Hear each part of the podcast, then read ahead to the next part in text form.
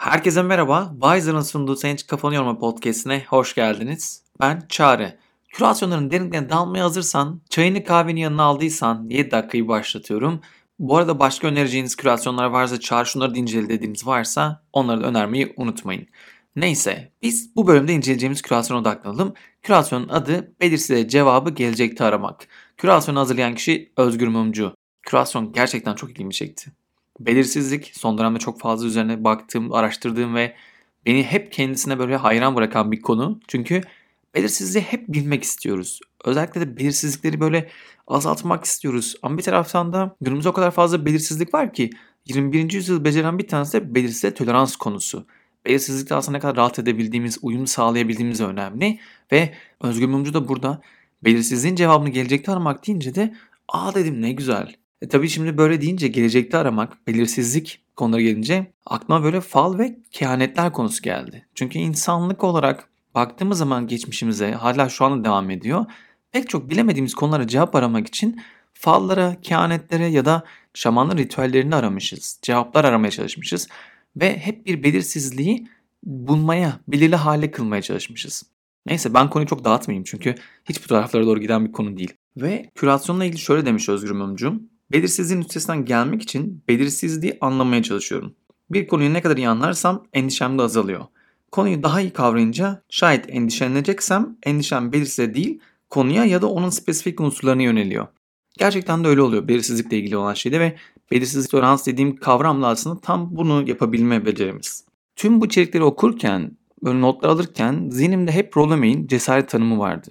Şöyle diyor, cesaret umutsuzluğa karşı yol alma becerisidir. Yani aslında belirsizlik durumunda da o cesaret ihtiyacımız var bence tam olarak buna. Ve cevap gelecekte arıyorsak da gerçekten cesur olmak daha da önemli gibi geliyor bana. Ne dersiniz? İçerikten ilk baktım Mari Popova'nın The Marginalian'daki yazısı oldu.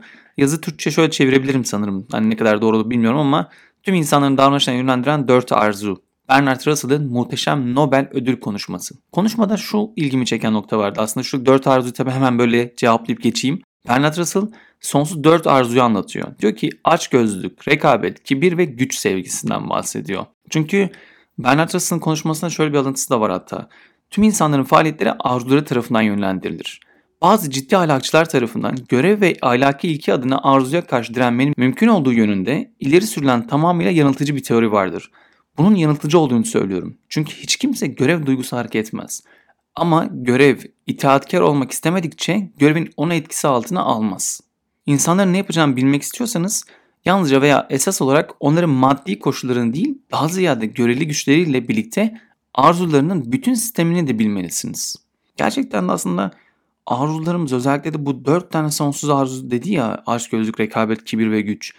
İnanılmaz etkileyici gerçekten. Özellikle de güç sevgisiyle ilgili etrafımızdaki herkes de bunu görebiliriz. Kibiri de falan içerisine kattığımız zaman neredeyse gücün bizim değiştirme ve bu güce sahip olduğumuzda daha da fazlasını isteme hali inanılmaz bir şekilde bizi etkiliyor ve onun böyle pençesine yakalandığımız zaman da sanki farklı bir kişiye doğru dönüşebiliyoruz. Bir diğer taraftan ilgimi çeken, bence Türkiye'de çok artmaya başlayan The New York Times'taki bir yazı. Türkçe çevirisi şöyle olabilir. İspanya'nın bas bölgesindeki kooperatifler kapitalizmin zorlu kenarlarını yumuşatıyor, değiştiriyor diyebiliriz belki de. Çünkü buraya baktığın zaman aslında bas bölgesinde kurulan e, kooperatiflerin özellikle pandemiyle beraber birçok şirketin zorlanma durumunda özellikle kendi hissedarlarını koruyup çalışanlarını işten çıkarma halindeki davranışlarını gördük çok fazla. Ülkemizde de bunu yaşadık. Ama İspanya'nın Bas bölgesindeki bu kooperatiflerin bu konudaki attığı adımlar geleceğin belki de yeni bir ekonomi modelini yaratmak üzere ve çok keyifli bir yazı. O yüzden bakmak isterseniz bir bence okuyun bakın. Türkiye'de kooperatiflerin sayısı artmaya başladı. Bu konudaki gelişmeler çok etkileyici geliyor bana. Ama henüz bizdeki o tam böyle ivmelenmeyi kazanma halinde değiliz. Ama gerçekten bence özellikle 10 yıl içerisinde bunu biz de çok fazla göreceğiz diye düşünüyorum. Bir ilgimi çeken yazı da şu oldu böyle kısaca ondan da bahsedeyim istedim.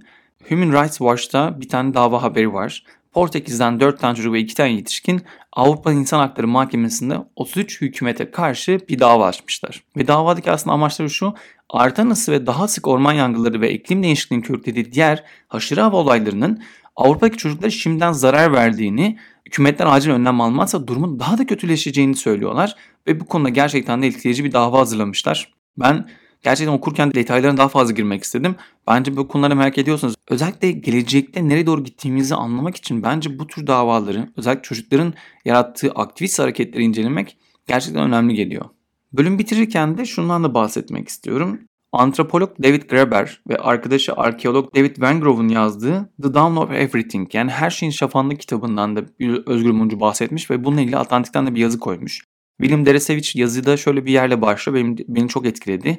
Graeber'le olan bir öğle yemeğinden bahsediyor ilk tanışmalarından. Ve şöyle diyor.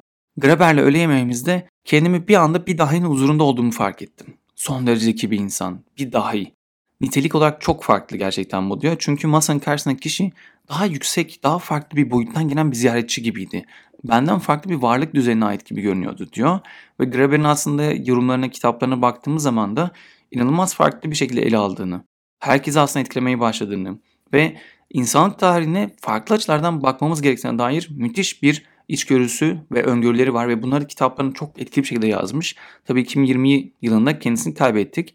Bence bunun üzerine bakmak gerçekten de önemli çünkü belirsizliğe cevap arıyorsak Bence Graeber gibi yazarların kitaplarına bakmak, hatta böyle daha fazla giremedim ama bilim kurgu tarafındaki kitapların aslında nasıl etkilediğini, oradaki düşüncelerin bizim aslında geleceğimizi nasıl tasarlamaya çalıştığını ve belki de bulabileceğimiz birçok cevabın da oralarda olduğuna dair bakmak bana çok heyecanlı geliyor. Çünkü aslında bilim kurguda özellikle baktığımız zaman hani eski filmlere bakarsak şu an hayatımızda birçok şeyi neredeyse etkilediler. Yani cep telefonlarından tutun hologramlara kadar, metaverse'lerde yaşamaya kadar birçok şey bilim kurgu romanlarında görebildiğimiz, okuyabildiğimiz şeylerken şu an hayatımızın bir parçasına doğru dönüşüyor. Ve aslında belirsizliğin cevabını arama halinde de geleceğe doğru bakarken bazen de küçük böyle hani ben de eklemiş olayım. Belki geçmişte de geleceği tasvir edenlerin hayatlarına bakmak, onların nasıl bu tür tasvirleri yaptıklarını da öğrenmek çok da etkili olabilir. Ben çok keyif aldım ve anlatırken umarım size de bu geçmiştir. Beni dinlediğiniz için çok teşekkür ederim. Sen hiç kafanı yorma dedim ve sizler için bu kürasyonu da anlattım. Çok daha fazlasını Wiser uygulamasında bulabilirsiniz. Yorumlarınızı ve paylaşımlarınızı bekliyorum. Görüşmek üzere. Hoşçakalın.